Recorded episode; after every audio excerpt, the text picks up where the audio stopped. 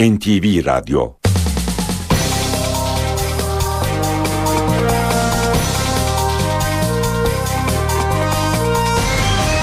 İşe Giderken İyi sabahlar ben Öykü Özdoğan. İşe giderken programıyla karşınızdayız. Saat 9'a kadar Türkiye ve dünya gündemindeki gelişmeleri, gazete manşetlerini, ekonomi, yol ve hava durumlarını aktaracağız. İşe giderken gündemin öne çıkan başlıklarıyla başlıyor. İspanya'nın kuzeybatısında bir yolcu treni raydan çıktı. 200'den fazla yolcusu bulunan trende ilk belirlemelere göre 60 kişi öldü, 130'dan fazla yaralı var.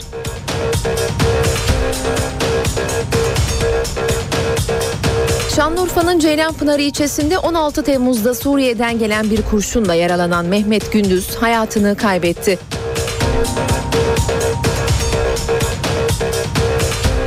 Suriye'de PYD ile El Nusra'nın çatışması 9. gününe girdi. Şiddetlenen çatışmalar sırasında PYD karargahına atılan havan topu mermilerinden bazıları Türkiye sınırına düştü. Patlamalar Ceylanpınar'da da korkuya neden oldu. Başbakan Erdoğan gezi olaylarındaki tavrı nedeniyle eleştirilen Çevik Kuvvet polisine sahip çıktı. Sizi gazetelerin değil milletin manşeti ilgilendirir dedi. Başbakan polislere bir de müjde verdi. Gelecek yasama yılında emeklilikle ilgili düzenlemeyi parlamentoda yasalaştırmaya gayret edeceklerini söyledi.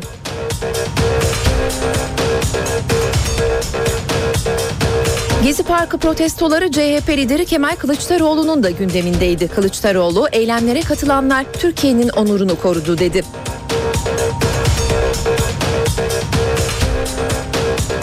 Cumhurbaşkanı Abdullah Gül ve Başbakan Yardımcısı Bülent Arınç, Anadolu Alevi Bektaşi Federasyonları tarafından verilen iftara katıldı. Alevi temsilcileri Cumhurbaşkanı Gül'den 3. köprünün isminin Yunus Emre olarak değiştirilmesini ve cemevlerinin ibadethane olmasını istedi.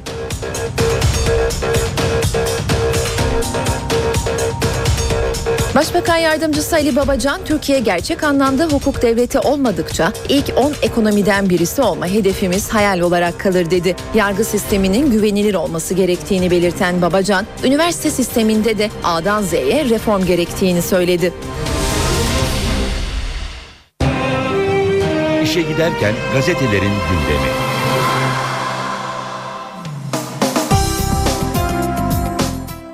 İşe giderkene basın turuyla devam ediyoruz. Gazetelerin birinci sayfalarından haberler aktaracağız. Hürriyetle başlayalım. Manşetteki haberin başlığı levha yoksa cezada yok ifadesini taşıyor. Mahkeme idare vatandaşı uyarmadan ceza kesemez diyerek trafikte emsal olacak karar verdi. 50 kilometre limitli yolda 74'te giden sürücüye ceza iptal edildi deniyor. Haberin ayrıntısı Hürriyet gazetesinin birinci sayfasında yer bulmuş. Hemen yanında Snowden parmak izine takıldı diyor başlık. Bir aydır Moskova'daki bir havalimanında bekleyen kaçak eski CIA ajanı Snowden'ın avukatı önce Rusya'ya ayak basma hakkı elde etti dedi sonra vazgeçti. Hemen altında yolsuzluk isyanı diyor başlık. Bulgaristan'da 41 gündür devam eden yolsuzluk protestolarına katılanlar önceki gece parlamentoyu kuşattı. Akaryakıtta büyük denetim başlıklı haberin ayrıntısı ise şöyle. Maliye ve emniyet ekipleri dün Türkiye'nin en büyük sanayi kuruluşlarında denetim başlattı. Maliye, Tüpraşopet, Shell ve Aygaz'da inceleme yaptı. Maliye vergiyi, polis ise kaçak akaryakıtı denetledi. Milliyet gazetesine bakalım. F-16'lara erteleme başlığı göze çarpıyor manşette. Mısır'daki darbenin ardından Obama 4 F-16'nın satışını askıya aldı. Amerikan askeri yardıma ise devam edecek deniyor manşet haberinin ayrıntısında. Çok taraflı çatışma çıkabilir başlığı Ahmet Davutoğlu'nun fotoğrafıyla yer bulmuş. Dışişleri Bakanı Ahmet Davutoğlu Suriye'deki tüm grupların Türkiye'nin dostu olduğunu ancak Suriye parlamentosu oluşuncaya kadar tek taraflı adımlardan kaçınılması gerektiğini söyledi. Emrivaki adımların daha fazla kan dökeceği uyarısı yapan Davutoğlu bir anda iki taraflı bir çatışmanın çok taraflı bir çatışmaya dönüşmesine sebebiyet verir deniyor. Haberin ayrıntısında Gül Alevileri dikkate almak devletin görevi başlığını kullanmış bir başka haberinde Milliyet. Atatürk, Hazreti Ali ve Hacı Bektaş Veli posterlerinin önünde konuşan Baş- Cumhurbaşkanı Abdullah Gül birbirimize ne kadar çok anlarsak o kadar çok dayanışma gerçekleştiririz dedi. Sabah gazetesi ise kurşundan ağır acılar başlıklı haberi görmüş manşetinde. Yakınları maganda kurbanı olan aileler yüreklerindeki dermansız acıyı kapanmayan kurşunun yarasını anlatıyor diyor. Hemen altında Koç'a üçlü inceleme başlığı göze çarpıyor. Maliye ve polis Koç grubuna ait Tüpraş, Opet ve Aygaz'da kapsamlı vergi incelemesi başlattı. Tarihin en büyük kenevir operasyonu başlıklı haberle devam edelim sabahtan. Lice'de 500 jandarma ve 100 korucu ile yapılan hava destekli operasyonda 28 milyon 500 bin kök Hint keneviri imha edildi. Uzunluğu 8 kilometreyi bulan 2850 dönüm arazideki uyuşturucunun piyasa değerinin 1 milyar 450 milyon lira olduğu belirtildi. Postanın manşetinde ise bir doğum günü fotoğrafı başlığı göze çarpıyor. 6 yıl lösemi ile boğuşan bürokrasi yüzünden uygun ilik bulunamayınca 2 gün önce ölen Efe Cömert'in dün 9. doğum günüydü. Ailesi İstanbul Beylikdüzü Kavaklı mezarlığındaki kabri başında Efe'nin doğum gününü kutladı.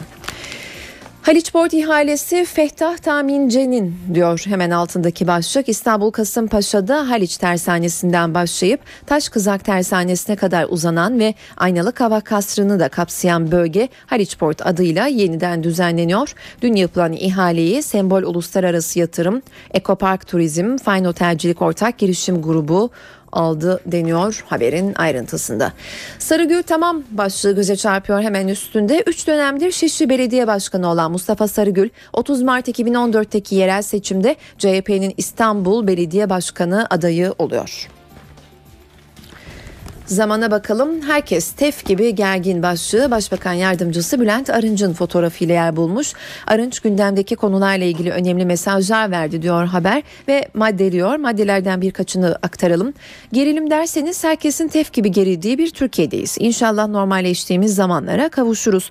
Daha çıkışlar eski oranla daha nitelikli. Amaç gelecek kaygısı. Silahlı eylem niyeti taşıdıklarını düşünmüyoruz. PKK'ya katılımların yüksek olduğu kanaatinde değiliz diyerek Başbakan Yardımcısı Bülent Arınç'ın açıklamalarından alıntı yapmış zaman manşette gördüğü haberinde. Hemen altında ise ölülerimiz bile yan yana bizi kimse ayıramaz başlığı göze çarpıyor. Anadolu Alevi Bektaşi Federasyonu tarafından düzenlenen iftar iş, siyaset ve sanat dünyasını Ehli sevgisi etrafında buluşturdu. Cumhurbaşkanı Abdullah Gül, Başbakan Yardımcısı Bülent Arınç, CHP Genel Başkan Yardımcısı Faruk Öztrak, MHP Grup Başkanı Vekili Oktay Vural, İstanbul Valisi Hüseyin Avni Mutlu, İstanbul Müftüsü Rahmi Yaran, Anadolu Alevi Bektaşi Federasyonu Başkanı Cengiz Hortoğlu, iş adamları Zeynel Abidin Erdem, Adnan Polat'la 150 Alevi dernek ve vakıf temsilcisi aynı sofrada buluştu. Radikal ise birinci sayfada gördüğü özel haberine Suriye devrimine ihanet ediyorlar başlığını kullanmış. Dışişleri Bakanı Ahmet Davutoğlu Türkiye'nin Suriye'de faaliyet gösteren radikal grupları desteklediği iddialarına cevap verdi diyerek iç sayfalarda ayrıntılandırıyor haberi. Hemen üstünde ise Koç'un iki şirketine inceleme başlığı göze çarpıyor. Maliye Tüpraş ve Aygaz'da vergi denetimi başlattı. Tüpraş'ta polis de inceleme yapıyor. Habertürk'e bakalım. Merrill Lynch kampanyası başlıklı haberi görmüş manşetinde. Geçen hafta Türk hissesi alın diyen Merrill Lynch faiz kararını 15 dakikada yayınladığı jet raporla alaya aldı diyor. Hemen yanında ise çamurdan 1.3 milyar dolar başlığı göze çarpıyor. Haliçport ihalesini Rixos aldı diyor ayrıntıda Habertürk. PYD bayrakları yakında inecek başlıklı haberin ayrıntısı ise şöyle. Suriye sınırındaki son gelişmeler dün Başbakanlıktaki zirvede ele alındı. Toplantıya TSK adına Orgeneral Özel ve MİT müsteşarı katıldı. Cumhuriyet polisten eski fotoğraf başlığını taşımış manşetine Ali İsmail Korkmaz'ın faillerinin ortaya çıkmaması için elinden geleni yapıyor diyor. Gezi direnişi sırasında Eskişehir'de aralarında sivil polislerin de olduğu eli sopalı kişilerce dövülerek öldürülen Ali İsmail Korkmaz'la ilgili soruşturma 53 gün geçmesine rağmen somut bir gelişme kaydedilmezken her gün yeni bir engelleme haberi ortaya çıkıyor diyor Cumhuriyet manşet haberinde. Yeni Şafak'sa o bayrak inecek diyor manşetinde. PKK'nın Suriye'deki kolu PYD özellik ilan etmeye hazırlanırken Erdoğan sürpriz bir kararla güvenlik zirvesini topladı. Sınırdaki hareketliliğin ele alan, alındığı toplantıda resmi binalara kendi bayrağını asan PYD'nin geri adım attığı bilgisi paylaşıldı. Akşamın manşetinde ise çantasını bırakmadı başlığı göze çarpıyor. Bursa'dan Ankara'ya giden Düzman'ın İmralı Cezaevi Müdürü Ahmet Düzman'ın kullandığı araç gece yarısı İnegöl yakınlarında bir tankerle çarpıştı. Düzman'ın kazaya rağmen elinden bir saniye bırakmadığı çantasında Öcalan'ın sağlık durumu, cezaevi şartları ile ilgili hazırlanan ayrıntılı rapor ve bir ses kaydı olduğu öğrenildi. Son olarak Taraf gazetesine bakalım. Bir paket demokrasi başbakanın önünde başlığı göze çarpıyor manşette. Çözüm sürecine dönük demokratikleşme paketi tamamlandı. Başbakan yardımcısı Bülent Arınç yarınki son görüşmenin ardından paketin Erdoğan'a sunulacağını açıkladı diyor ve Kürt siyasi birliği için ilk adım atılıyor başlığı Demirtaş'ın fotoğrafıyla yer bulmuş. Demirtaş bir ay içinde toplanacak kongrede Kürtler dört ülkede hangi statüde yaşamak istediklerini dünyaya ilan edecek dedi diyor. Saatler 7.17'yi gösteriyor. Ben Öykü Özdoğan. İşe giderken de günün öne çıkan gelişmelerini aktarmaya devam ediyoruz. İspanya tren faciası. Galicia bölgesinde yaşanan tren kazasında en az 60 kişi öldü. 130'dan fazla da yaralı var. Yaralılardan 20'sinin durumu ağır. İspanya'nın kuzeybatısındaki Galicia bölgesinde Madrid Ferrol seferini yapan 13 vagonlu yolcu treni Santiago de Compostela kenti yakınlarında raydan çıktı. Tüm vagonları raydan çıkan trenin 4 vagonu da devrildi. Trende 247 yolcu vardı. Akşam saatlerinde gerçekleşen kazada ilk belirlemelere göre onlarca kişi öldü, çok sayıda da yaralı var. Ölü sayısının artmasından korkuluyor. Yetkililer trenin raydan çıkmasına neyin sebep olduğunun henüz belli olmadığını ancak kaza ihtimalinin ağır bastığını söyledi.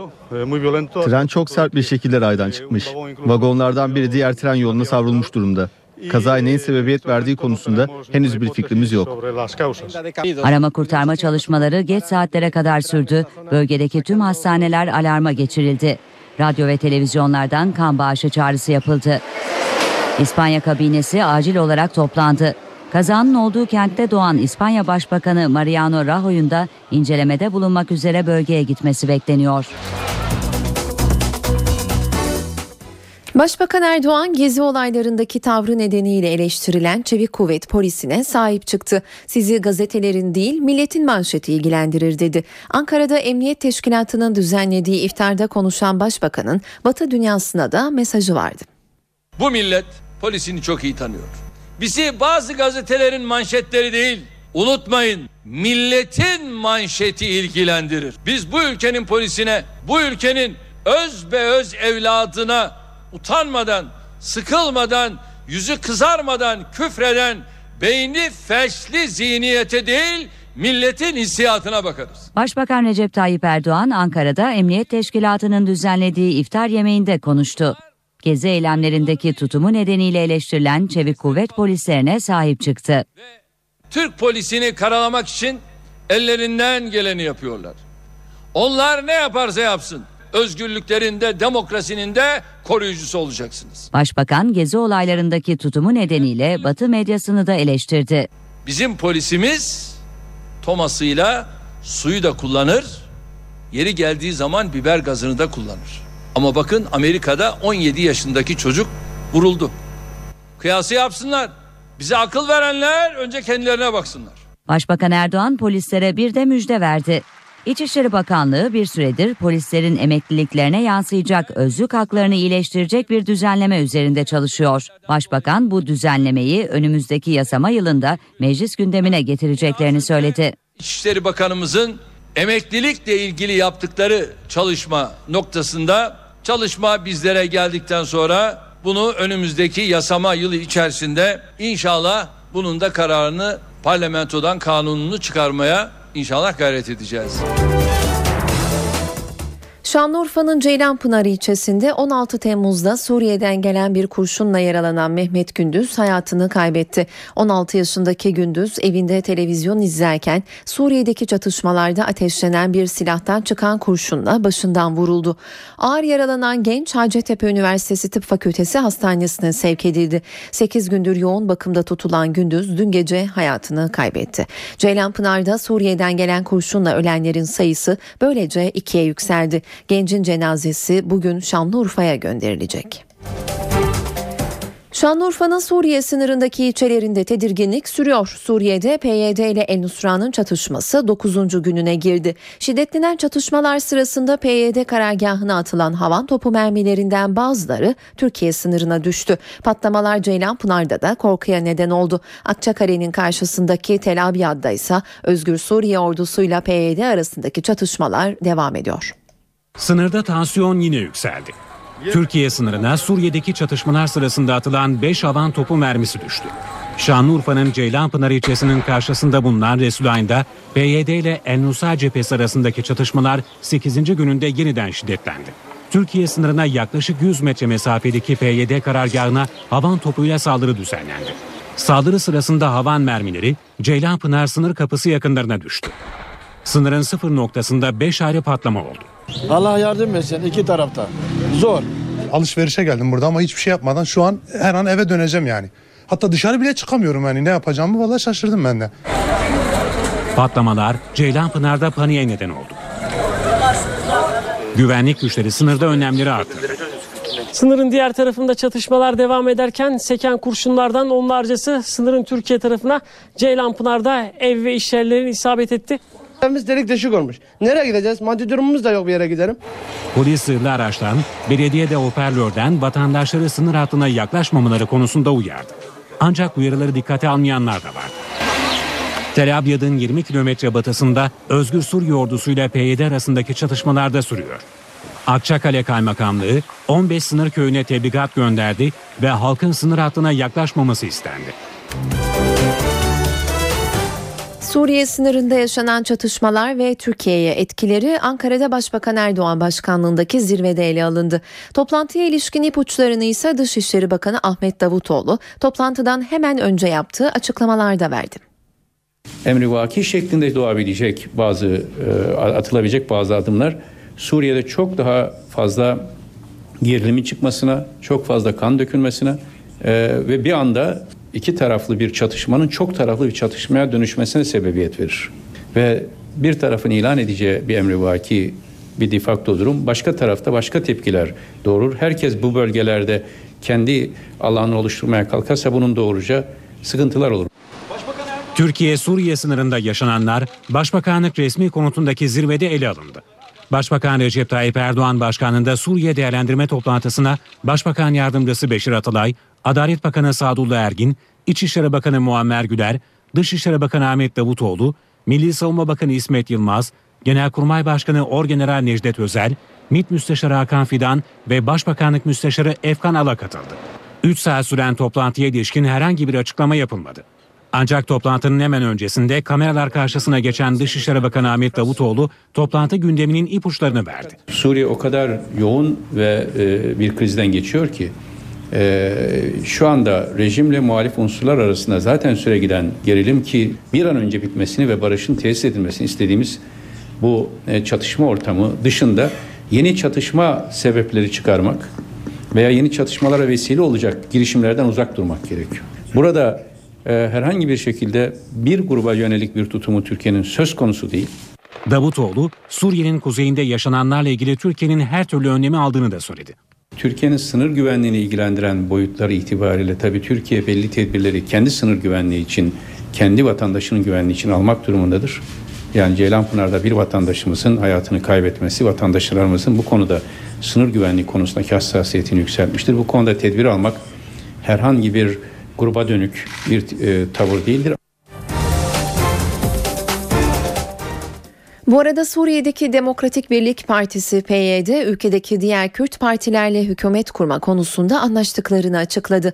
Erbil'de konuşan PYD Başkanı Salih Müslim 6 ay içinde Suriye'deki Kürt bölgelerinde parlamento seçimi yapılması için çalışma başlatacaklarını söyledi.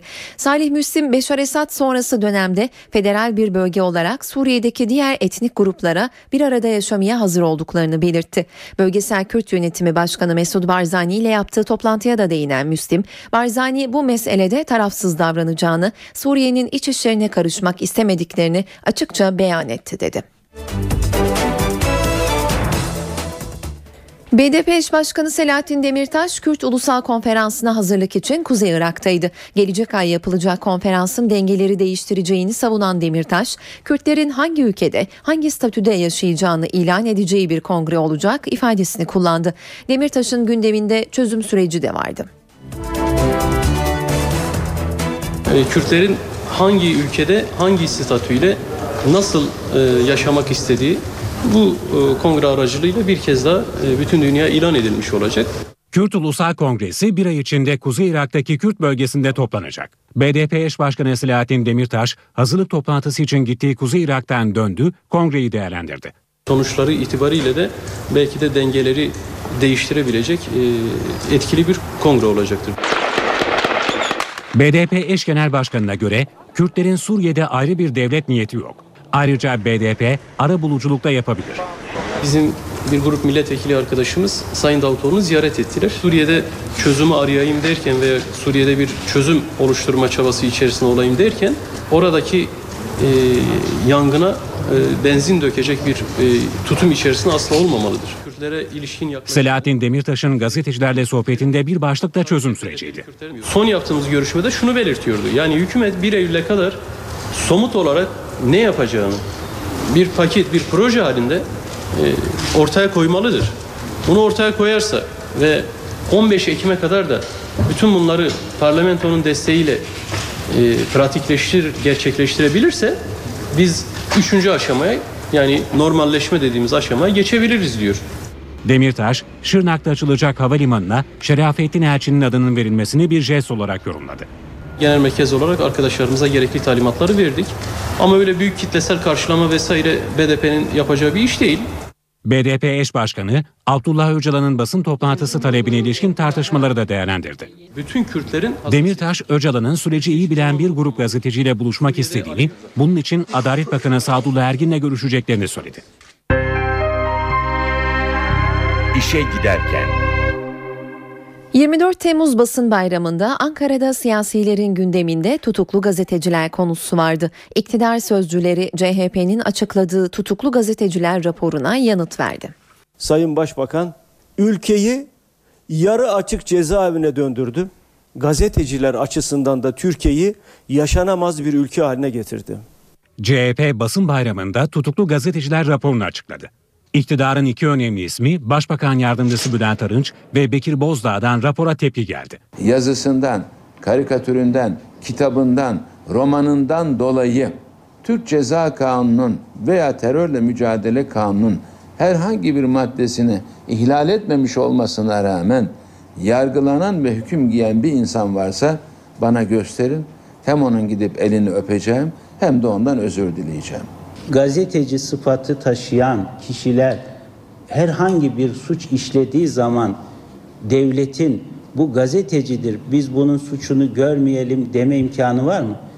Bülent Arınç CHP'nin konuyu çarpıttığını söyledi. Terör örgütüne yardım ve yataklık yapmışsa mesleğinin karşısında üç tane de gazeteci yazsa yine yargılanması mümkün. Ellerindeki kalemi iktidarları düşürmek adına değil iktidarları boğmak ve yok etmek adına kullananlar ve bunu yaparken de bir takım suçları işleyenleri yargıdan kurtaracak bir formül yok. Bekir Bozdağ ise CHP'nin tutuklu gazeteciler raporunu talihsizlik olarak niteledi. Gazetecilik faaliyetinde bulunduğu gerekçesiyle bugün Türkiye cezaevlerinde tutuklu ve hükümlü benim bildiğim kadarıyla herhangi bir kimse bulunmamaktadır. Cumhuriyet Halk Partisi'nin genel başkanının Türkiye'yi karalamak için gerçekleri yansıtmayan raporları kullanarak bunun e, şey yapmasını işin doğrusu Türkiye adına büyük bir talihsizlik olarak görüyorum. Hükümetin rapora yönelik eleştirilerine CHP'nin cezaevi komisyonu üyeleri yazılı bir açıklamayla cevap verdi. Açıklamada bu rapor CHP'nin değil AK Parti'nin eseridir denildi. İspanya'nın kuzeybatısında bir yolcu treni raydan çıktı. 200'den fazla yolcusu bulunan trende ilk belirlemelere göre 60 kişi öldü, 130'dan fazla yaralı var.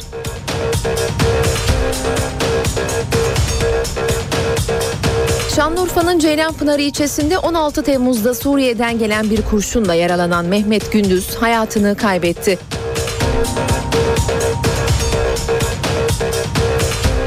Suriye'de PYD ile El Nusra'nın çatışması 9. gününe girdi. Şiddetlenen çatışmalar sırasında PYD karargahına atılan havan topu mermilerinden bazıları Türkiye sınırına düştü. Patlamalar Ceylanpınar'da da korkuya neden oldu.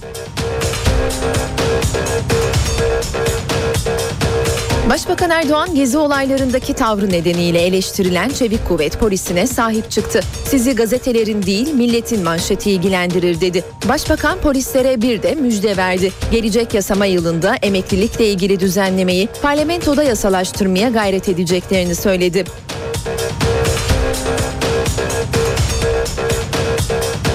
Gezi Parkı protestoları CHP lideri Kemal Kılıçdaroğlu'nun da gündemindeydi. Kılıçdaroğlu eylemlere katılanlar Türkiye'nin onurunu korudu dedi.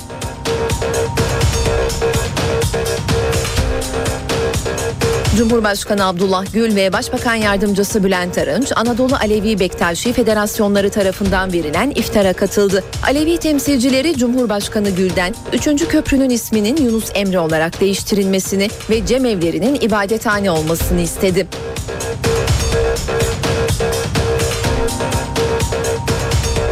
Başbakan Yardımcısı Ali Babacan, Türkiye gerçek anlamda hukuk devleti olmadıkça ilk 10 ekonomiden birisi olma hedefimiz hayal olarak kalır dedi. Yargı sisteminin güvenilir olması gerektiğini belirten Babacan, üniversite sisteminde de A'dan Z'ye reform gerektiğini söyledi.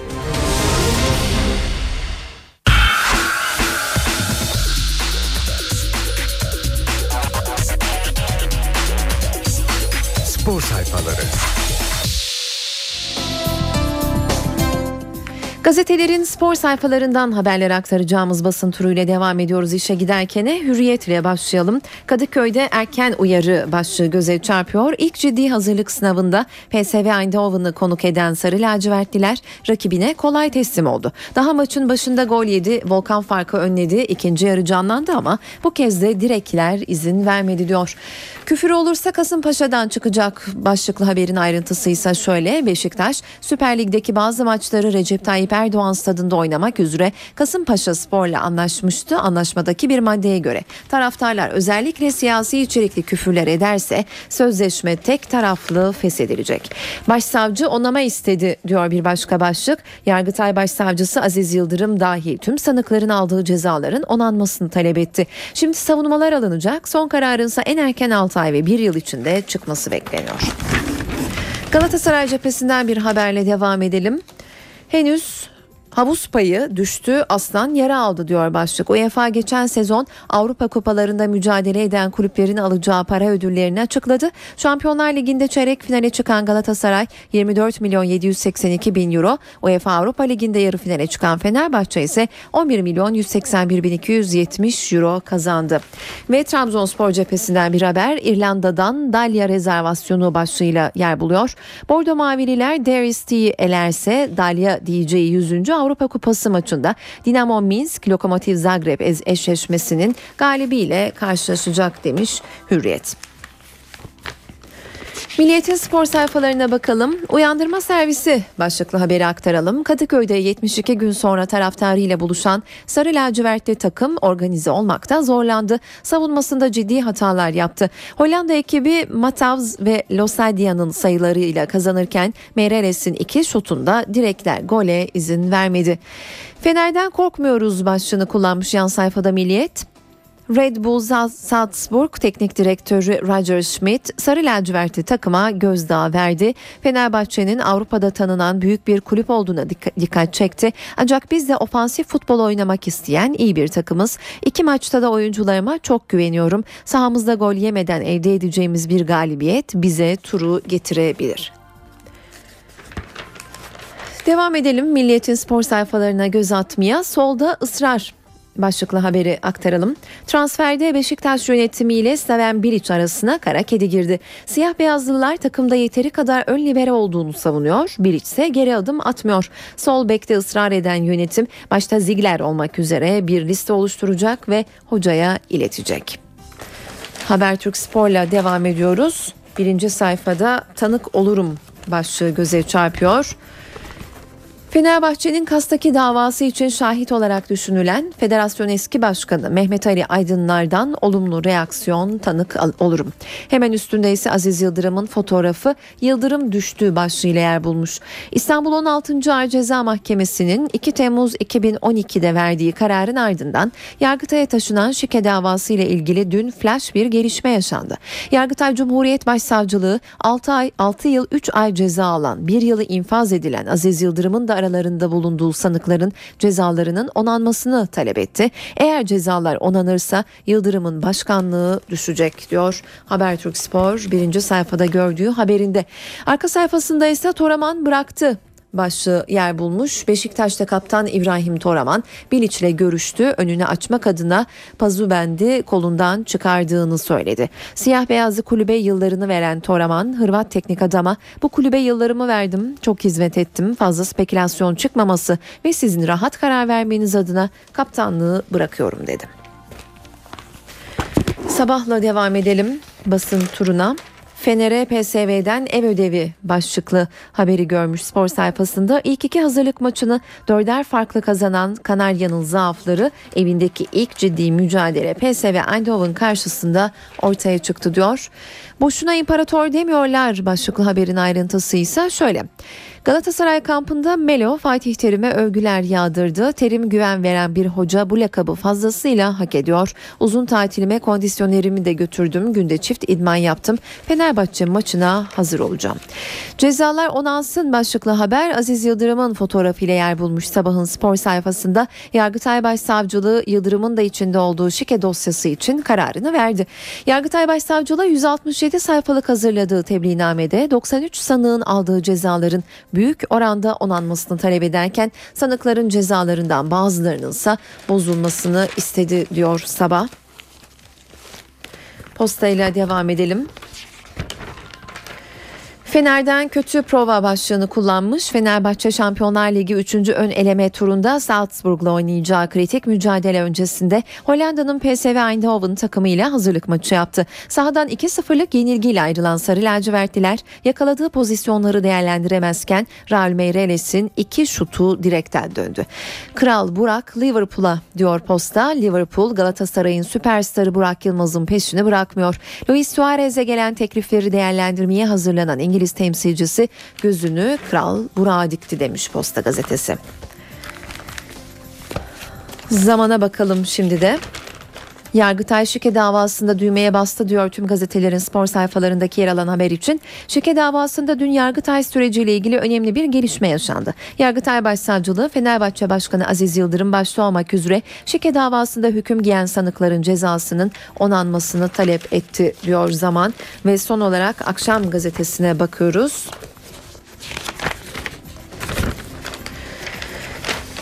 Havuzda 7,5 milyonluk delik başlıklı haberin ayrıntısını aktaralım. UEFA gruptan çıkamayan Trabzon'a 12.8 milyon lira pazar payı ödedi. Galatasaray ise bu sezon çeyrek final oynadı ama 5.2 milyon euroda kaldı. Fenerbahçe 6.5 milyon euroluk havuz geliriyle Galatasaray'ı geçmeyi başardı ve son haber Beşiktaş'tan.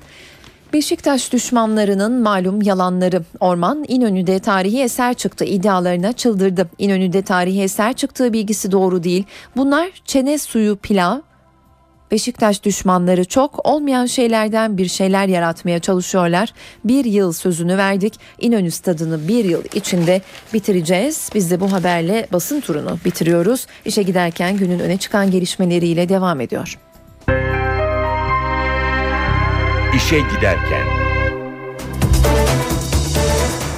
Cumhurbaşkanı Abdullah Gül'den sürpriz niteliği taşıyan bir tebrik mesajı geldi. Gül, Mısır'da ordunun geçici cumhurbaşkanı olarak seçtiği Adil Mansur'a Mısır'ın Milli Günü dolayısıyla tebrik mesajı gönderdi. Mesaj Dışişleri Bakanlığı kanalıyla 1952 yılından itibaren Mısır'da milli bayram olarak kutlanan 23 Temmuz günü gönderildi.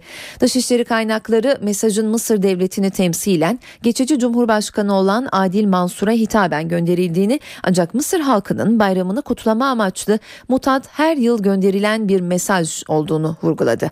Cumhurbaşkanlığı basın başdanışmanı Ahmet Sever ise Milli Gün mesajının diplomatik ilişkisi bulunan devletler arasında asgari nezaketin gereği olarak gönderildiğini belirtti. Mısır'da gerilim yüksek, sokaklar yine hareketli. Tansiyonun cuma günü daha da tırmanması muhtemel. Zira Mursi'yi deviren Genelkurmay Başkanı halka şiddet olaylarına karşı cuma günü sokaklara dökülmeleri çağrısında bulundu. Müslüman kardeşler ise bu çağrıyı bir tehdit olarak niteledi. Mısır'da tansiyon giderek yükseliyor. Cumhurbaşkanı Mursi'yi 3 Temmuz'da iktidardan uzaklaştıran Genelkurmay Başkanı Abdülfettah Es-Sisi halka cuma günü sokağa dökülmeleri çağrısında bulundu. Tüm Mısırlılardan Cuma günü sokağa çıkmalarını istiyorum. Neden sokağa çıkmalılar? Çünkü ancak onların sokağa çıkarak bana verecekleri yetkiyle ben şiddet ve terörle mücadele edebilirim. Es-Sisi, Müslüman kardeşlerin kabul etmediği yol haritasından geri dönülmeyeceğini de vurguladı. Birilerinin Mısır'ı tehlikeli bir tünele sokmaya çalıştığını hissediyorum. Milyonlarca Mısırlı sokağa çıktı ve orada onların taleplerini yerine getirdi. Şimdi kimse yol haritasından vazgeçireceği yanılgısına kapılmasın. Orduda bölünme olduğu iddialarını da yalanlayan Abdülfettah Es-Sisi, Muhammed Mursi siyasi kibiri nedeniyle ancak insanlar karşısına çıktıktan sonra görevini bırakabildi dedi. Es-Sisi'nin bu açıklamalarına Müslüman kardeşlerin tepkisi gecikmedi. Müslüman Kardeşler Örgütü'nün üst düzey yetkilisi Essam El Eriyan açıklamaları tehdit olarak niteledi. Ama bunun Mursi destekçilerinin gösterilerini durdurmayacağını belirtti. Hem Mursi destekçilerinin hem de karşıtlarının Cuma günü meydanlara dolmasıyla ülkede geniş çaplı çatışmaların yaşanmasından endişe duyuluyor. Bu arada Amerika Birleşik Devletleri Başkanı Barack Obama Mısır'a F-16 savaş uçaklarının teslim edilmesini erteledi. Washington'ın Mısır'la darbe öncesi vardığı askeri anlaşmayı devam ettirmesi sıkça eleştiriliyordu. Ancak Beyaz Saray'ın henüz Mısır'daki durumu askeri darbe olarak açıkça tanımlamadığını da ekleyelim. Amerika'da dinleme skandalının basına sızmasıyla başlayan skandal siyaseti de ikiye böldü. Dinlemelere kısıtlama getirilmesine yönelik tasarıyı oylamaya hazırlanan kongreye Beyaz Saray'dan uyarı geldi. Beyaz Saray sözcüsü Jay Carney, telefon kayıtlarını takip etmeye gelecek engellemenin istihbarat açığına yol açacağını söyledi. Carney olası bir engelleme ile terörle mücadelede önemli bir silahın kaybedilebileceğine de dikkat çekti. Telefon kayıtlarını takibe almakla eleştirilen Ulusal Güvenlik Kurumu Başkanı da tasarıya karşı lobi çalışması başlattı. Tasarıyı destekleyen Cumhuriyetçi Kongre üyeleri telefon dinlemeyi kişilik haklarının ihlali olarak görüyor. Amerika'da tartışma yaratan dinleme skandalı eski CIA çalışanı Edward Snowden'ın basına sızdırdığı belgelerle ortaya çıkmıştı. Çin'de hükümet artık kamu binası inşaatına izin vermeyecek. Amaç hem tasarruf hem de halkın tepkisini dindirmek. Zira milyon dolarlık kamu binalarına halk sert eleştiriler getiriyor. Çin'de gelecek 5 yıl içerisinde yeni bir kamu binası inşa edilmeyecek. Kamu binalarının tamir ve yenilenmesi de yasak. Kararın arkasında Çin'in birçok şehrinde yükselen görkemli binalar yatıyor. Çoğu kamuya ait olan milyon dolarlık lüks binalara halkın tepkisi büyük. Bence devlet halkın ihtiyaçlarına odaklanmalı. Sıradan halk için en büyük sorun konut bulmak. Evler çok pahalı. 3 milyon doların altında ev yok. Bu yüzden binalar inşa etmekten vazgeçip konut sorununu çözmeleri lazım.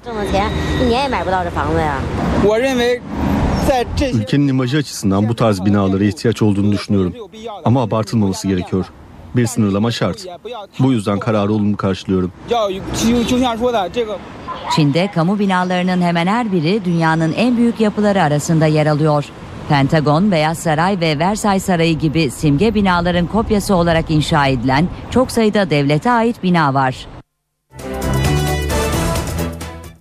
İngiliz kraliyet ailesinin en yeni üyesinin adı belli oldu. Aile önceki gün dünyaya gelen bebeğe George Alexander Louis ismini verdi. George Alexander Louis İngiliz kraliyet ailesinin en genç üyesinin adı bu. Prens William ve eşi Cambridge Düşesi Catherine ilk bebeklerine George Alexander Louis adını verdi. Pazartesi günü dünyaya gelen yeni varis Cambridge Prensi George olarak anılacak. George, İngiliz kraliyet ailesinin tercih ettiği geleneksel bir isim. İngiltere tarihinde George isminde 6 kral var. Onlardan sonuncusu Kraliçe 2. Elizabeth'in babası yani 6. George. George ismi bebeğin doğumu öncesi İngilizler arasında yapılan bahislerde de birinci sırada yer alıyordu. Alexander ismi ise kraliçenin isimlerinden olan Alexandra'dan esinlenilmiş. Annesi Catherine'in bu ismi özellikle istediği konuşuluyor. Louis ismi ise Prens William'ın dördüncü ismi. Minik prensin adı İngilizleri memnun etmişe benziyor. Harika, tarihi bir isim. Hem modern hem de tarihi bir isim seçmişler.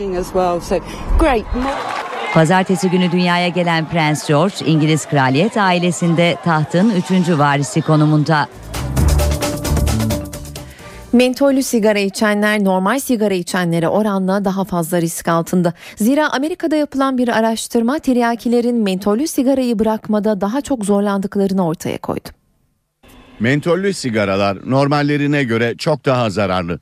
Açıklama Amerika Birleşik Devletleri Gıda ve İlaç Dairesi'nden geldi. Kamu sağlığı açısından daha riskli bulunan mentollü sigaraların ferahlatıcı ve ağrı kesici özelliklerinin tiryakilere cazip geldiğine dikkat çekildi. Araştırmaya göre bu nedenle mentollü sigara içenler daha çabuk tiryaki oluyor ve sigarayı bırakmakta daha fazla zorlanıyor. Mentollü sigara satışına henüz yasak getirmeyen Amerikan Gıda ve İlaç Dairesi olası kısıtlamalar için sağlık görevlileri, tütün endüstrisi ve halkı tartışmaya çağırdı. 2011'de yapılan benzer bir araştırmada da mentollü sigaraların yasaklanmasının yararlı olacağı söylenmişti.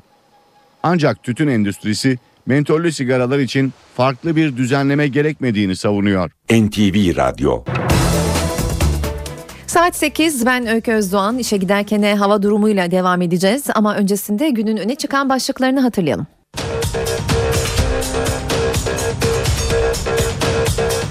Şanlıurfa'nın Ceylanpınar ilçesinde 16 Temmuz'da Suriye'den gelen bir kurşunla yaralanan Mehmet Gündüz hayatını kaybetti.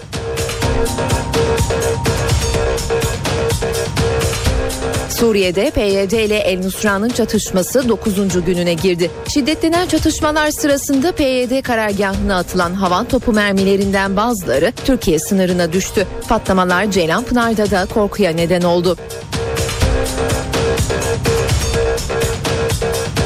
Başbakan Erdoğan gezi olaylarındaki tavrı nedeniyle eleştirilen Çevik Kuvvet polisine sahip çıktı. Sizi gazetelerin değil milletin manşeti ilgilendirir dedi. Başbakan polislere bir de müjde verdi. Gelecek yasama yılında emeklilikle ilgili düzenlemeyi parlamentoda yasalaştırmaya gayret edeceklerini söyledi.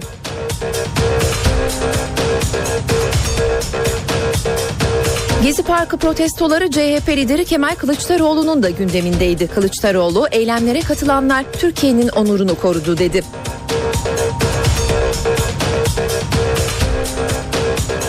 Cumhurbaşkanı Abdullah Gül ve Başbakan Yardımcısı Bülent Arınç, Anadolu Alevi Bektaşi Federasyonları tarafından verilen iftara katıldı. Alevi temsilcileri Cumhurbaşkanı Gül'den 3. köprünün isminin Yunus Emre olarak değiştirilmesini ve cemevlerinin ibadethane olmasını istedi.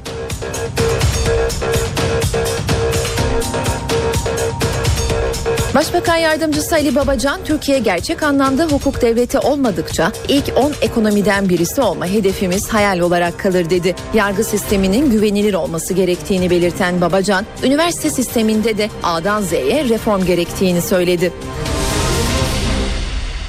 Son hava tahminlerini aktaracağız. Bunun için NTV Meteoroloji Editörü Gökhan Abur stüdyomuzda. Günaydın Gökhan Abur. Günaydın.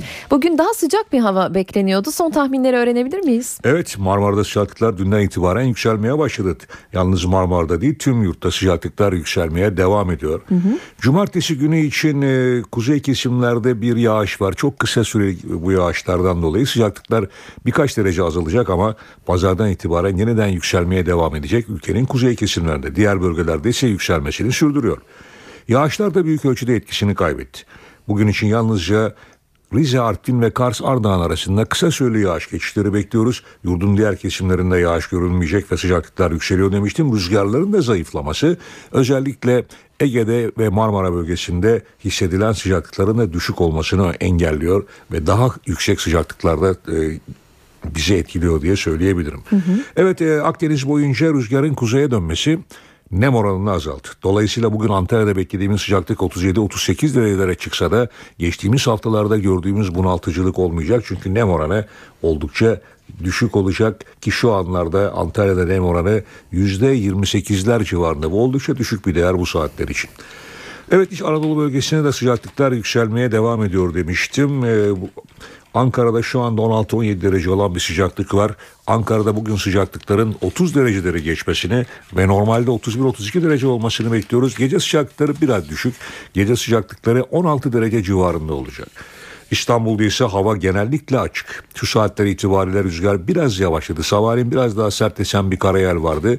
Rüzgar zayıflayacak. Öğle saatlerinde Avrupa yakasında oldukça sakin. Anadolu yakasında Şileriva civarında e, biraz sert esecek ama çok kuvvetli değil. Geçtiğimiz haftalarda olduğu gibi değil. Geceler çok sakin geçmeye başladı İstanbul'da. Bugün beklediğimiz sıcaklık 32. Gece sıcaklığı 21 derece olacak. Yarın sıcaklık 33-34'lere kadar yükselecek İstanbul'da. İzmir'de ise gündüz sıcaklıklar hızlı bir şekilde yükseliyor. Bugün beklediğimiz sıcaklık 34-35 derece arasında değişirken gece sıcaklığı 26 derece olacak. Merkezde rüzgar zayıftı. Her ne kadar şu anda Adnan Menderes havalarında rüzgar 30 kilometre hızla esiyor olsa da gün içinde rüzgarlar iç kesimlerde zayıflayacak ama Çeşme'de biraz sert esmeye devam edecek. Evet bizlere bekleyen hava koşulları genellikle böyle. Teşekkürler Gökhan Abur. Son hava tahminlerini NTV Meteoroloji Editörü Gökhan Abur'dan dinledik. İşe giderken gazetelerin gündemi. Gazetelerin birinci sayfalarından haberler aktaracağımız basın turu var. Sırada işe giderken de hürriyetle başlıyoruz turumuza. Manşette levha yoksa cezada yok diyor başlık. Mahkeme idare vatandaşı uyarmadan ceza kesemez diyerek trafikte emsal olacak karar verdi. 50 kilometre limitli yolda 74'te giden sürücüye ceza iptal edildi. Bir koltuk gitti diyor sürmanşet. Hem YÖK Denetleme Kurulu Başkanlığı hem de Türkiye Futbol Federasyonu Etik Kurulu üyeliği yapan Profesör Doktor İlyas Doğan federasyon Komisyondaki görevinden istifa etti. Milliyet gazetesi ise sürmanşete Dışişleri Bakanı Ahmet Davutoğlu'nun fotoğrafına yer vermiş. Çok taraflı çatışma çıkabilir demiş başlıkta. Dışişleri Bakanı Suriye'deki tüm grupların Türkiye'nin dostu olduğunu ancak Suriye parlamentosu oluşuncaya kadar tek taraflı adımlardan kaçınılması gerektiğini söyledi diyor. Manşette ise F-16'lara erteleme başlığı göze çarpıyor. Mısır'daki darbenin ardından Obama 4 F-16'nın satışını askıya aldı. Amerika askeri yardıma ise devam edecek. Sabahsa altın boynuza en değerli gerdanlık başlıklı habere yer vermiş sürmanşette. Haliç Port ihalesini 1 milyar 346 milyon dolarla Rixos otellerinin sahibi Tamince kazandı deniyor. Manşetteki haberinde ise kurşundan ağır acılar başlığı göze çarpıyor. Yakınları maganda kurbanı olan aileler yüreklerindeki dermansız acıyı kapanmayan kurşun yarasını anlatıyor diyor iç sayfalarda ayrıntılandırdığı haberinde.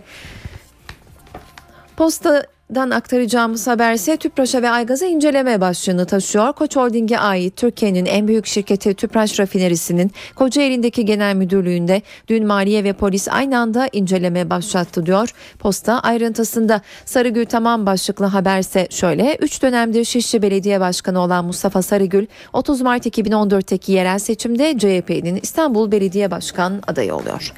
Zamansa manşetine herkes tef gibi gergin başlıklı haberini taşımış. Başbakan Yardımcısı Bülent Arınç gündemdeki konularla ilgili önemli mesajlar verdi. Gerilim derseniz herkesin tef gibi gerildiği bir Türkiye'deyiz. Daha çıkışlar eski oranla daha nitelikli amaç gelecek kaygısı.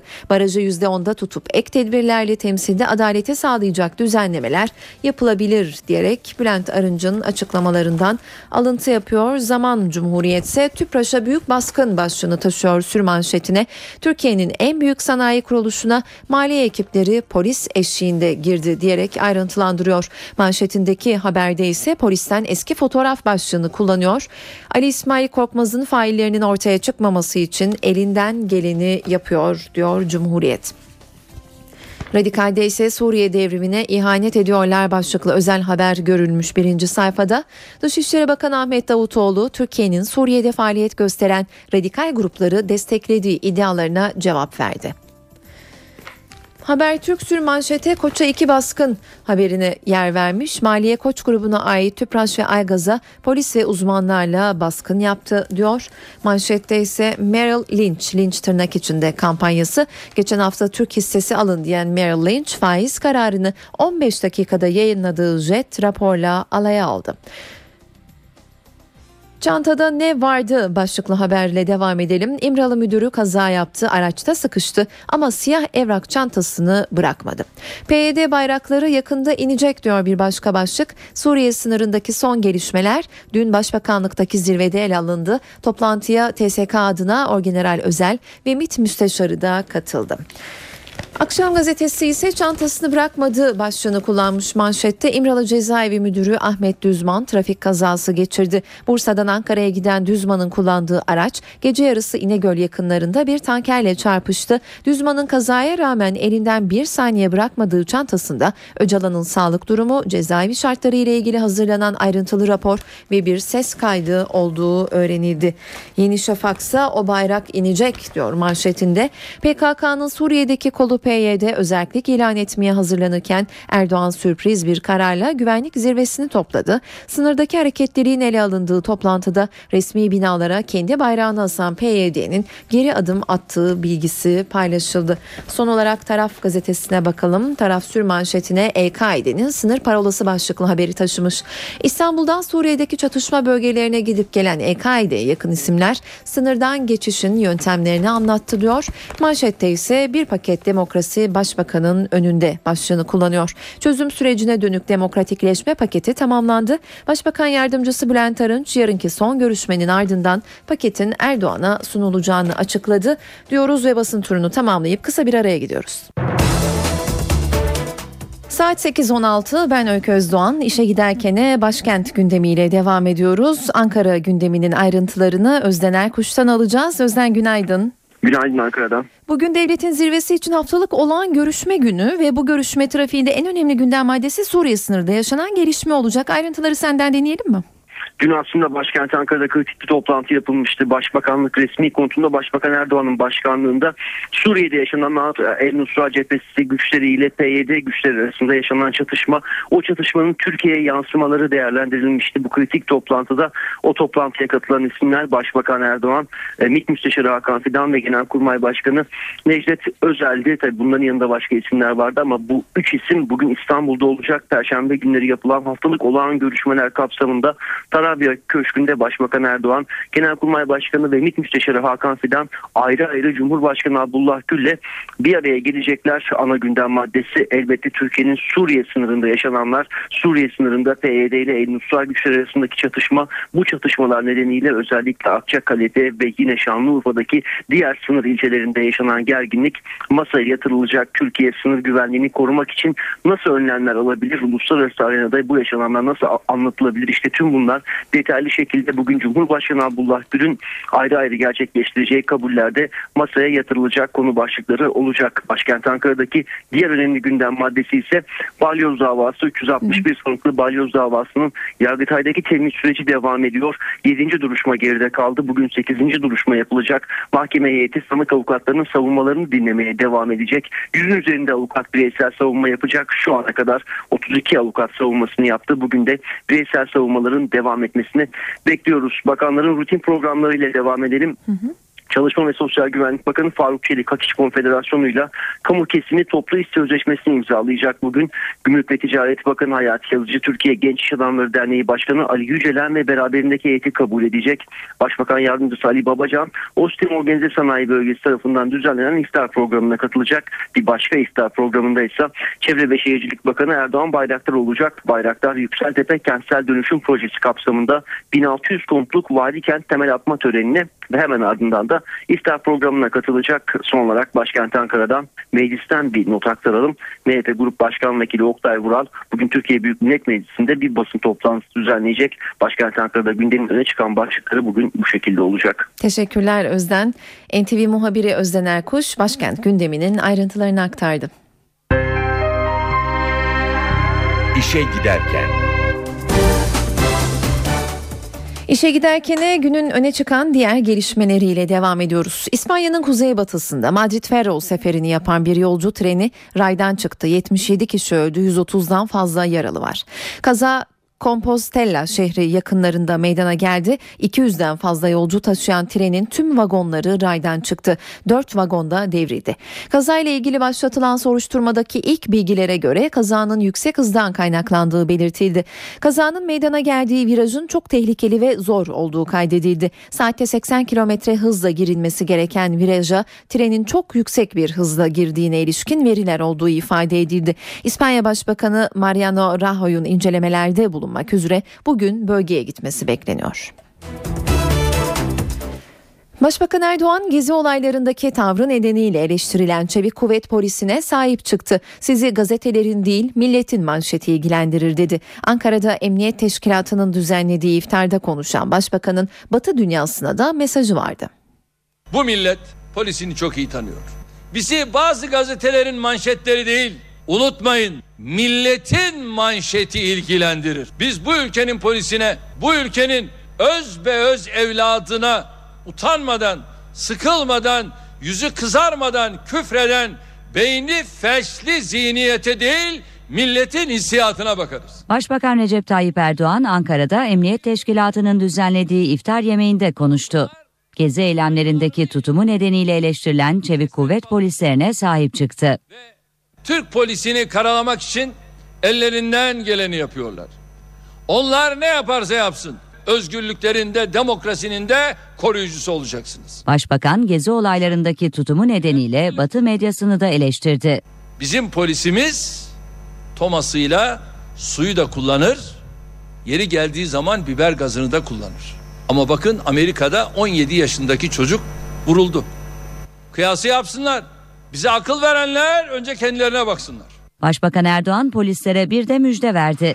İçişleri Bakanlığı bir süredir polislerin emekliliklerine yansıyacak özlük haklarını iyileştirecek bir düzenleme üzerinde çalışıyor. Başbakan bu düzenlemeyi önümüzdeki yasama yılında meclis gündemine getireceklerini söyledi. İçişleri Bakanımızın emeklilikle ilgili yaptıkları çalışma noktasında çalışma bizlere geldikten sonra bunu önümüzdeki yasama yılı içerisinde inşallah bunun da kararını parlamentodan kanununu çıkarmaya inşallah gayret edeceğiz.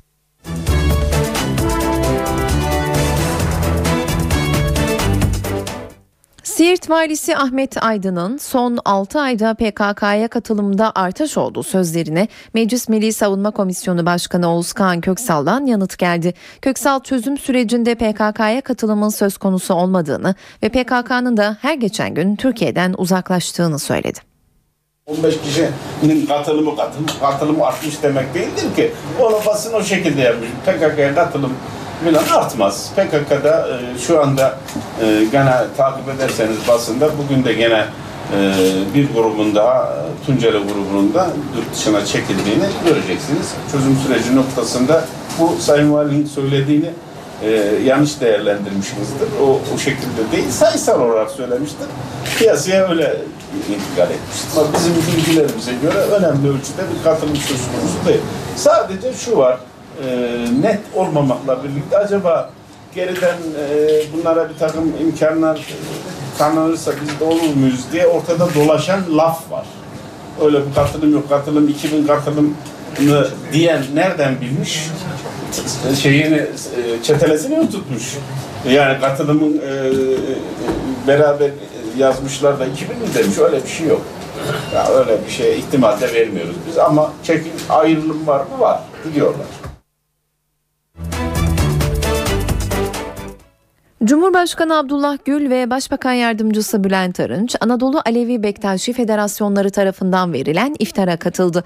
Cumhurbaşkanı Gül, Alevilerin isteklerini dikkate almak bir görevdir dedi. Arınç da cemevlerinin varlığını kabul ediyoruz, gereken maddi yardım yapılmalı diye konuştu. Aleviler Cumhurbaşkanı Gül'den 3. köprünün isminin Yunus Emre olarak değiştirilmesini istedi. Cumhurbaşkanı Abdullah Gül İstanbul'da Alevilerin verdiği iftara katıldı. Önce Alevi temsilcileri söz aldı, taleplerini iletti. Eğer demokratik, çağdaş ve özgürlükçü bir anayasa gerçekleştirilebilirse işte o zaman ötelenmiş, ertelenmiş sorunlar da kendiliğinden o demokratik ortamda çözüme kavuşacaktır diye düşünüyorum. Alevi dedesi Derviş Tur da Cumhurbaşkanı Gül'e hitap etti. Üçüncü köprünün isminin Alevilerin tepki gösterdiği Yavuz Sultan Selim yerine Yunus Emre olarak değiştirilmesini rica etti. Tur cemevleri ibadethane olsun talebini de iletti. Cumhurbaşkanı Abdullah Gül, Alevilerin taleplerinin neticeye ulaştırılması hepimizin görevidir dedi. Ülkemizdeki Alevi, Bektaşi vatandaşlarımızın beklentilerini, onların arzularını gayet dikkate almak da yine devletin görevidir. İftar programına katılanlar arasında Başbakan Yardımcısı Bülent Arınç da vardı. Arınç, taleplerin hepsinin yerine getirilemediği için üzgün olduğunu söyledi. Cemevlerinin varlığını kabul ediyoruz. Cemevlerine mutlaka maddi destek de sağlanmalı. Cemevlerinin ibadethane olması konusunu süratle karara bağlayın. Şimdi bir, mevcut laik rejimde bu nasıl olacak? İki, İslam inancı bu konuda ne diyor? İftara sanatçılar da davetliydi. Güzel bir iftar yemeğiydi. Her kesimden çok özel insanların bulunması ve bizim de o kesimin içinde var olmamız, o nefesi birlikte almamız çok keyif vericiydi. İşe giderken Şike davasının Yargıtay'daki temyiz süreci başladı. Yargıtay Cumhuriyet Başsavcılığı aralarında Fenerbahçe Başkanı Aziz Yıldırım'ın da bulunduğu sanıklara verilen hapis cezalarının onanmasını istedi. Şike davasının temyiz sürecinde kritik viraj dönüldü. Yargıtay Cumhuriyet Başsavcılığı tebliğnamesini hazırladı ve aralarında Fenerbahçe Başkanı Aziz Yıldırım'ın da bulunduğu bazı sanıkların cezalarının onanmasını istedi. Kasım 2012 tarihinden bu yana dosyayı inceleyen Yargıtay Cumhuriyet Savcılığı tebliğnameyi temiz duruşmalarının görüleceği 5. Ceza Dairesi'ne gönderdi.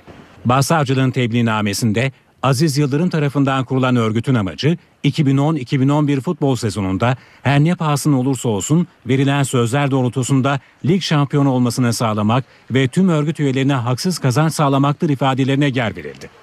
Tebliğnamede örgüt üyelerinin hedef olarak belirledikleri futbolcu, teknik heyet ve yöneticilerle ilişkilerini de kullanarak bir kısım maçlarda istenen sonuçları aldığı da iddia edildi. Örnek olaraksa Fenerbahçe'nin 3 puan aldığı İstanbul Büyükşehir Belediyespor, Karabükspor, Ankara Gücü ve Sivas Spor maçları gösterildi. Yargıtay Cumhuriyet Başsavcılığı, örgüt lideri olarak nitelediği Aziz Yıldırım'ın eylem emirlerini sanıklar İlhan Ekşioğlu, Şekip Mosuroğlu, Bülent İşçen, Alaaddin Yıldırım ve Tamer Yelkovan'a verdiği, onlar tarafından da diğer örgüt üyelerine iletildiği iddiasına da yer verildi. Aziz Yıldırım'ın emir ve talimatları dışında herhangi bir eyleme geçilmesi söz konusu değildir denildi. Yargıtay Cumhuriyet Başsavcılığı'nın tebliğnamesi davayı görecek 5. Ceza Dairesi açısından bağlayıcı değil. Bundan sonraki süreçte 5. Ceza Dairesi duruşma günü belirlenecek, nihai karar Yargıtay'ca verilecek. Şike davası kapsamında aralarında Aziz Yıldırım'ın da bulunduğu 48 sanık çeşitli cezalara çarptırılmış, 44 sanıksa beraat etmişti. 5 lirayı geçen benzinin litre fiyatı konusunda Maliye Bakanı Mehmet Şimşek'ten net bir mesaj geldi. Şimşek vergi indirimi yok dedi. Akaryakıt ürünleri üzerindeki vergi yükü yüksektir. Maliye Bakanı Mehmet Şimşek tartışılan benzin fiyatındaki vergiler için bu değerlendirmeyi yaptı. Şimşek 10 yıl önceki durumu da hatırlattı. 2002'de 100 liralık benzin fiyatının içinde ÖTV ve KDV dahil vergi yükünün %70'in üstünde olduğunu belirterek bugün itibariyle oranın %59,5 olduğunu vurguladı. Bu sıralamada yani vergi yükü sıralamasında Avrupa Birliği'nde Türkiye 3. sıradadır. Bu benzinde, motorinde, vergi yükünde Türkiye 5. sırada şu anda vergi yükünde. Bakan Şimşek akaryakıtta bir vergi indirimi olmayacağını net ifadelerle söyledi. Bizim dengeler hassas. Şimdi burada da bir vergi telafi edilemeyecek bir vergi gelir düşüşünü de ben doğru bulmuyorum. Vergi yükü yüksek ama e, daha da düşürmeye yönelik bir çaba tabii ki şu anda düşünülmüyor. Şimşek benzin fiyatı neden yüksek sorusunu yanıtlarken fiyatın oluşmasını belirleyen sektör yapısına dikkat çekti. Bir ham petrol evet. maliyeti var. Onun üzerine tabii ki takdir edersiniz bir rafineri kar var. Onun üzerine bir ana dağıtım yani bir distribütör var. Bir de nihai bayi satışı var. Evet. Yani devletin aldığı vergi var.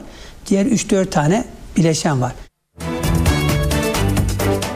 Türkiye'nin en büyük şirketi Tüpraş'ta maliye ve emniyet ekipleri denetim yaptı. Edinilen bilgilere göre Tüpraş'taki denetimin iki yönü var. Maliye ekipleri vergi, emniyet görevlileri ise akaryakıt incelemesi yaptı. Alınan numuneler TÜBİTAK'a gönderilecek ve standartlara uygunluğuna bakılacak. Maliye Bakanlığı akşam saatlerinde yazılı bir açıklama yaptı. Açıklamada Tüpraş ismi anılmadı ancak şirketlerle ilgili haberlere atıfta bulunularak vergi denetim kurulunca mahkeme kararına dayanarak bazı vergi mükelleflerinin yasal merkezlerinde inceleme yürüttüğü vurgulandı. Bir açıklamada Enerji Bakanı'ndan Bakan Taner Yıldız, TÜPRAŞ'a gerçekleştirilen vergi denetimlerinin rutin bir inceleme olduğunu söyledi.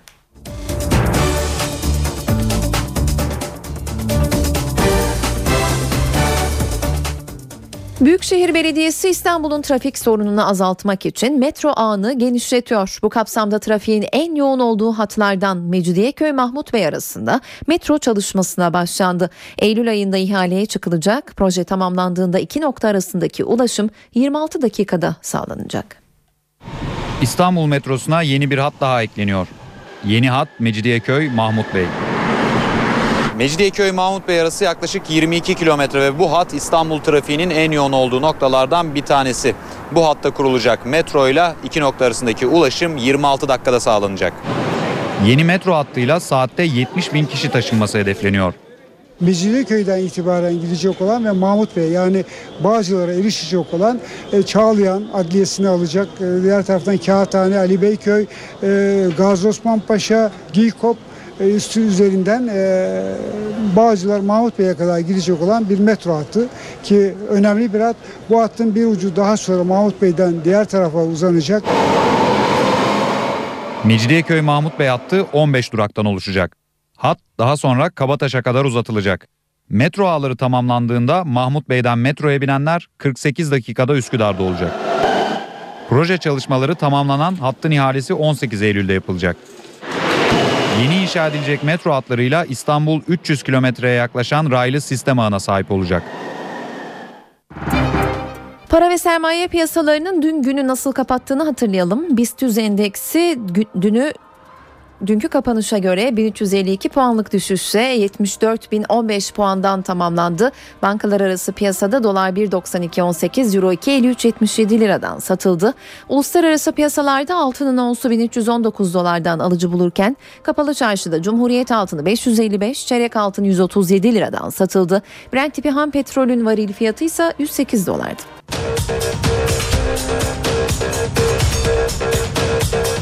Şanlıurfa'nın Ceylanpınar ilçesinde 16 Temmuz'da Suriye'den gelen bir kurşunla yaralanan Mehmet Gündüz hayatını kaybetti.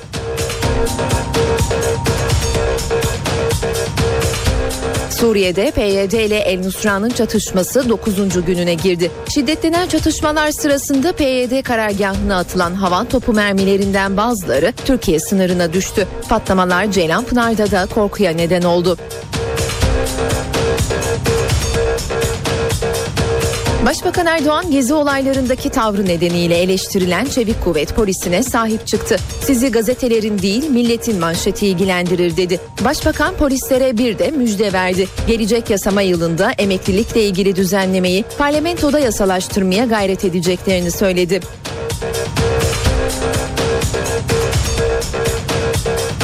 Gezi Parkı protestoları CHP lideri Kemal Kılıçdaroğlu'nun da gündemindeydi. Kılıçdaroğlu eylemlere katılanlar Türkiye'nin onurunu korudu dedi.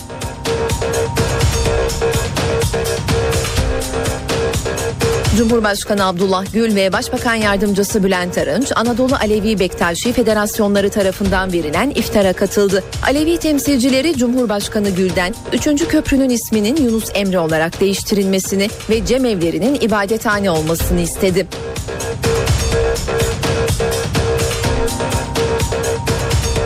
Başbakan Yardımcısı Ali Babacan, Türkiye gerçek anlamda hukuk devleti olmadıkça ilk 10 ekonomiden birisi olma hedefimiz hayal olarak kalır dedi. Yargı sisteminin güvenilir olması gerektiğini belirten Babacan, üniversite sisteminde de A'dan Z'ye reform gerektiğini söyledi.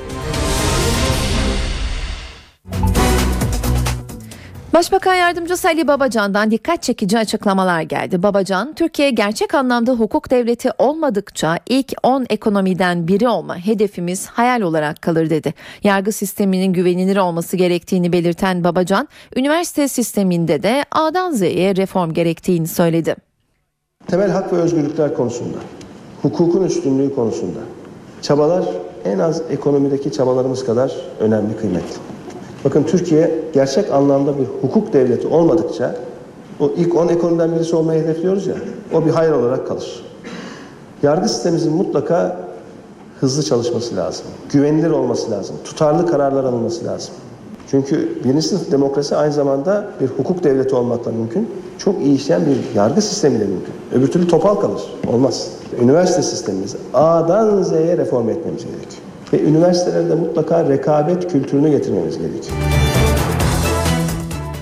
Danıştay başörtüsü konusunda önemli bir karar verdi. 28 Şubat sürecinde başörtüsü taktığı gerekçesiyle meslekten atılan öğretmen Melek Yılmaz'a özlük hakları iade edildi. Danıştay tarihi bir karara imza attı. Başörtüsü taktığı için meslekten atılan öğretmen Melek Yılmaz'a özlük haklarını iade etti. Danıştay başörtülülere memurluk yolunu açacağı şeklinde yorumlanan kararı 2011'de verdi. Yerel mahkemenin de karara uymasıyla hukuk süreci tamamlandı, karar kesinleşti. Danıştay kararında başörtüsünün memurluktan çıkarılma nedeni olamayacağına hükmetti. Yerel mahkemede işlemin iptaline ve işlem nedeniyle yoksun kalınan mali ve özlük haklarının 10 yıllık yasal faiziyle öğretmen Melek Yılmaz'a ödenmesine hükmetti. Böylece Türkiye'de ilk kez Danıştay kararıyla memuriyette başörtüsüne yargıdan vize çıkmış oldu. Öğretmen Melek Yılmaz dava sürecinde iç hukuk yollarının tükenmesi üzerine Avrupa İnsan Hakları Mahkemesi'ne de başvurdu. Avrupa İnsan Hakları Mahkemesi 2005 yılında yapılan başvuruya yönelik incelemesini adil yargılama yapılmadığı gerekçesiyle Türkiye'yi mahkum etmişti.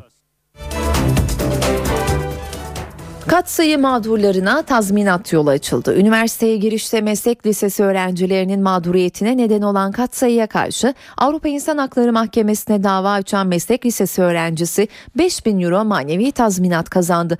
32 yaşındaki Bekir Altınay meslek lisesinin iletişim bölümünde okumaya başladı. Ancak YÖK 1999'da katsayı uygulaması getirdi. Yüksek öğrenimde kendi alanını seçenlerin orta öğretim başarı puanı 0,5, seçmeyenlerin 0,2 katsayıyla çarpılmaya başlandı. Uygulama ile 2 yıllık yüksek öğrenime yönlendirilen İmam Hatip ve Meslek Lisesi öğrencileri 4 yıllık üniversiteye girmek istemeleri halinde puan kaybına uğramaya başladı. Altınay dezavantajdan kurtulabilmek için genel bir liseye geçmek istedi ancak başvurusu reddedildi. Sınavda 4 yıllık iletişim fakültesine girecek kadar puan almasına rağmen katsayıyla puanı kırıldığı için istediği bölümde okuyamadı. Bunun üzerine Altınay Avrupa İnsan Hakları Mahkemesi'ne başvurdu. Ahim kararında Altınay'ın lise seçimini yaptıktan yıllar sonra üniversiteye girişte beklenmeyen değişikliklere gidildiği ve geçiş süreci olmadığını belirterek Türkiye'yi 5000 euro tazminata mahkum etti. Levha yoksa ceza da yok. İstanbul'da Selim Paşa'da bir sürücüye yerleşim yeri hız sınırı 50 kilometre hız sınırını aşıp 74 kilometre hız sınırı yaptığı gerekçesiyle 343 lira idari para cezası kesildi. Sürücü cezayı mahkemeye taşıdı. Sürücü itirazında bölgenin 110 kilometre azami hız sınırı bulunan bölünmüş yol olduğunu, yerleşim yeri hız sınırının 50 kilometre olduğuna dair herhangi bir uyarı levhasıyla karşılaşmadığını, kesilen cezanın yasaya aykırı olduğunu öne sürüp para cezasının iptalini istedi. Mahkeme sürücünün itirazını haklı buldu. Kararında bölünmüş yollarda otomobil için azami hız limitinin 110 kilometre olduğu hatırlatıldı ve idari makamlar hizmet sundukları insanları bilgilendirme görevini yerine getirmeden uygulama yapamaz dedi ve cezayı iptal etti. Kararın emsal niteliği taşıyacağı ifade ediliyor. Bu haberle işe giderkeni noktalıyoruz. Ben Öykü Özdoğan. Saat başında gelişmelerle yeniden karşınızda olacağız. NTV Radyo